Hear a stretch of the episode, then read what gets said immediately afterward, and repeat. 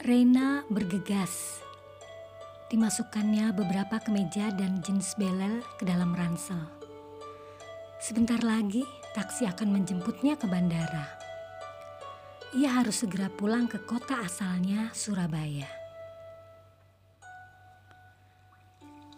Libur semester ini baru dimulai. Sementara ayahnya sudah berkali-kali menelepon agar ia segera datang. Ada kejutan, begitu kata ayahnya.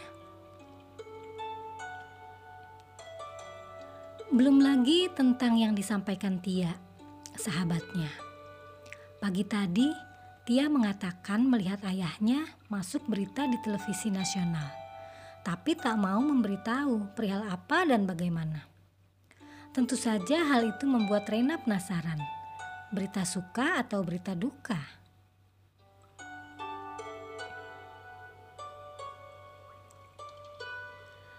Sepanjang perjalanan, Rena gelisah.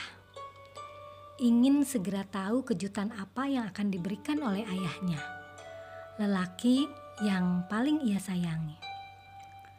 Rena teringat wajah teduh ayah yang sabar menghadapi kenakalan masa kecilnya. Anak semata wayang yang ditinggal ibunya saat baru lulus SMA. Meninggal karena sakit yang tiba-tiba. Rena bingung saat harus meninggalkan kota kelahirannya karena harus kuliah di kota lain. Sementara ayahnya akan ia tinggal sendiri karena ibu sudah tiada. Padahal ia mengizinkan andai ayahnya ingin menikah lagi. Pergilah Ray, sayang beasiswa kuliahmu jika tidak kamu ambil. Tak mengapa ayah sendiri di rumah. Kan kita masih bisa berkomunikasi. Sosok ayah yang ia kagumi. Baik hati dan jujur. Tidak pernah memaksakan diri untuk mendapatkan sesuatu yang memang belum saatnya. Suatu hari, ia pernah mendengar ayah dan ibu bercakap-cakap. Ibu tidak pernah malu dengan kondisi ayah apa adanya. Ibu tidak pernah meminta dibuatkan istana megah, kendaraan mewah, juga perhiasan melimpah.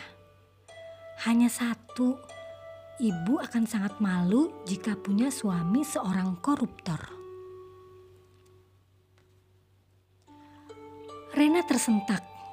Tiba-tiba ia teringat akan janji sang ayah yang akan membelikan sebuah mobil untuknya. Jarak tempuh rumah kos dan kampus memang tidak begitu jauh. Namun untuk menunjang aktivitas lain, Rena memang butuh kendaraan juga. Nanti ya, jika ayah sudah ada rezeki, pasti ayah belikan. Begitu ucap ayah melalui telepon. Rena tersenyum gembira Raut wajahnya yang oval terlihat semakin cantik. Bola matanya berbinar, jemarinya mengetuk-ngetuk tas kecil yang dipangkunya. Ia membayangkan pastilah ayahnya sudah membelikan mobil sporty seperti yang pernah dijanjikan. Pasti mobil itu kejutannya. Begitu Rena meyakinkan hatinya. Namun sesaat Trena menunduk seperti sedang berpikir. Kedua tangannya memegang kepala, lalu seperti merapikan rambutnya. Tatapan matanya seolah memandang jauh. Rena teringat kembali ucapan Tia tadi pagi. Maaf, aku tak bisa mengatakannya, Rey. Kamu cari tahu sendiri ya. Semoga ayahmu baik-baik saja. Pelan Tia mengatakannya sambil menggenggam tangan Rena. Antara gembira bercampur bingung. Gembira akan kemungkinan kejutan mobil yang akan ia dapatkan, sekaligus bingung apa yang terjadi dengan ayahnya hingga Tia menyaksikan ayahnya di televisi. Rena membetulkan duduknya, punggungnya ia tegakkan. Kali ini kedua tangannya ia silangkan di dada. Meski kepalanya sedikit tertunduk, namun tatapannya kembali jauh. Sejauh pikirannya terbang melintas jarak.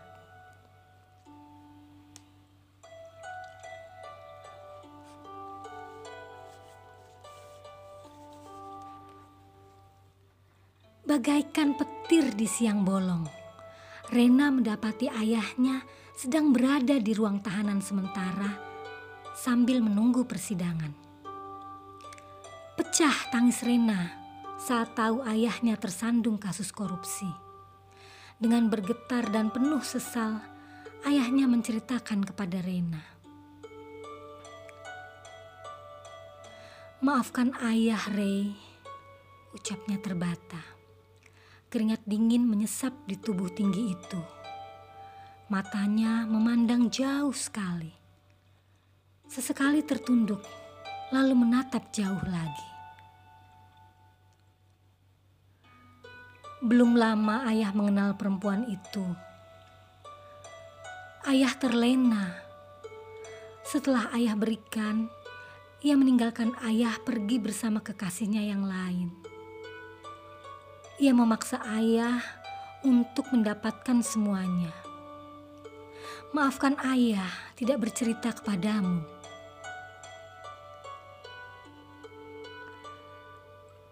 Rena mendengarkan sambil menangis tertahan. Semua perasaan bercampur aduk. Selama ini ayahnya selalu mengajarkan untuk hidup tidak berlebihan. Kuat menghadapi segala tantangan. Tapi betapa kecewa karena ayahnya tiba-tiba berubah hanya karena permintaan seorang perempuan yang kini meninggalkannya pula.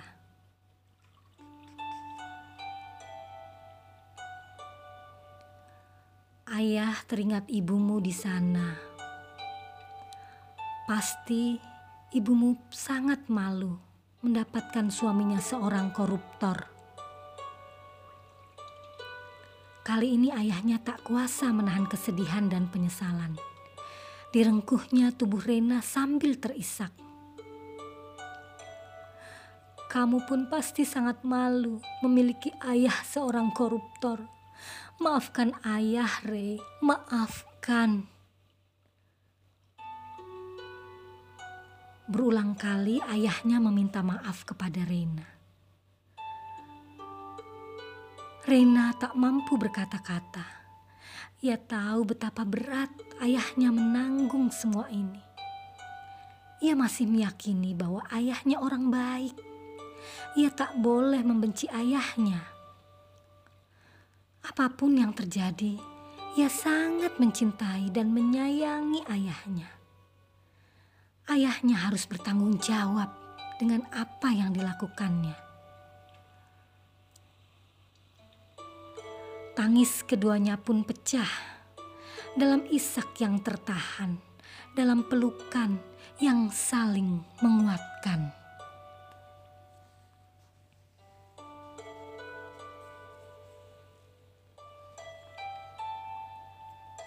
Beberapa hari selama di kota kelahirannya, Rena sengaja mematikan telepon genggamnya.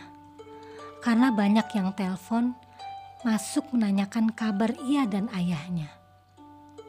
Pikirannya melayang ke sana dan ke sini. Malas ia menanggapi cibiran, belas kasihan dan sebagainya. Termasuk dari Dito kekasihnya.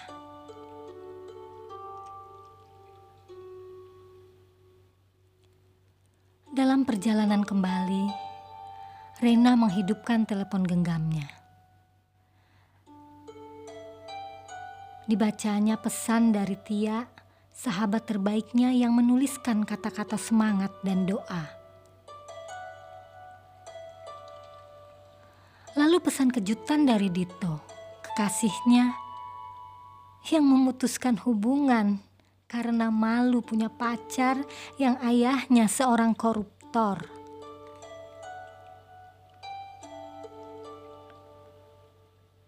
Rena hanya menarik napas panjang. Kereta yang membawanya kembali terasa berjalan lambat sekali. Sesekali matanya menatap keluar jendela, memandang daun-daun seperti ikut berlari. Langit tampak luas dan cerah. Awan yang menggantung tiba-tiba seperti menyerupai wajah menyeringai, lalu terbahak. Entahlah siapa yang ditertawakan oleh awan itu. Sementara di rumah ayahnya, sebuah mobil baru belum sempat disentuh oleh Rena. Ia sudah tidak lagi menginginkan mobil itu yang masih dalam pengamanan petugas sebagai salah satu alat bukti keterlibatan kasus korupsi sang ayah.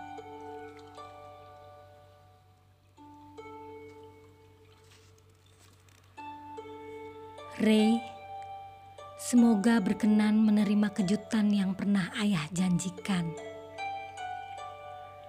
Seuntai kata tertulis dalam secari kertas berwarna biru muda di jok belakang mobil yang tak sempat dibaca Rena.